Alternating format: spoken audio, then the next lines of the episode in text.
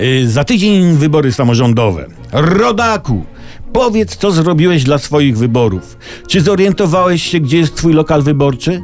Czy zaznaczyłeś gałązkami świerkowymi drogę do tego lokalu? Właśnie, właśnie. Przypomnę może, że wybory polegają na oddaniu głosów w wyborach.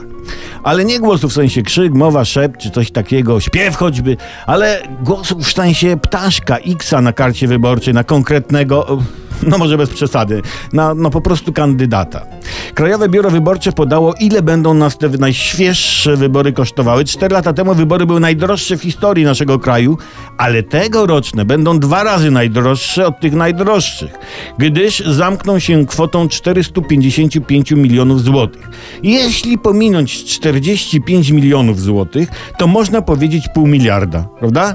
No, wykosztują się na nas jak celebryci na swoje wesele. Yy, pytanie, czy iść? Pamiętajcie, udziałem w wyborach, głosowaniem możecie zadecydować o przyszłości Polski, waszego regionu, tej małej ojczyzny. Więc lepiej zostańcie w domu, żeby później nie było na was. Później nie było na was.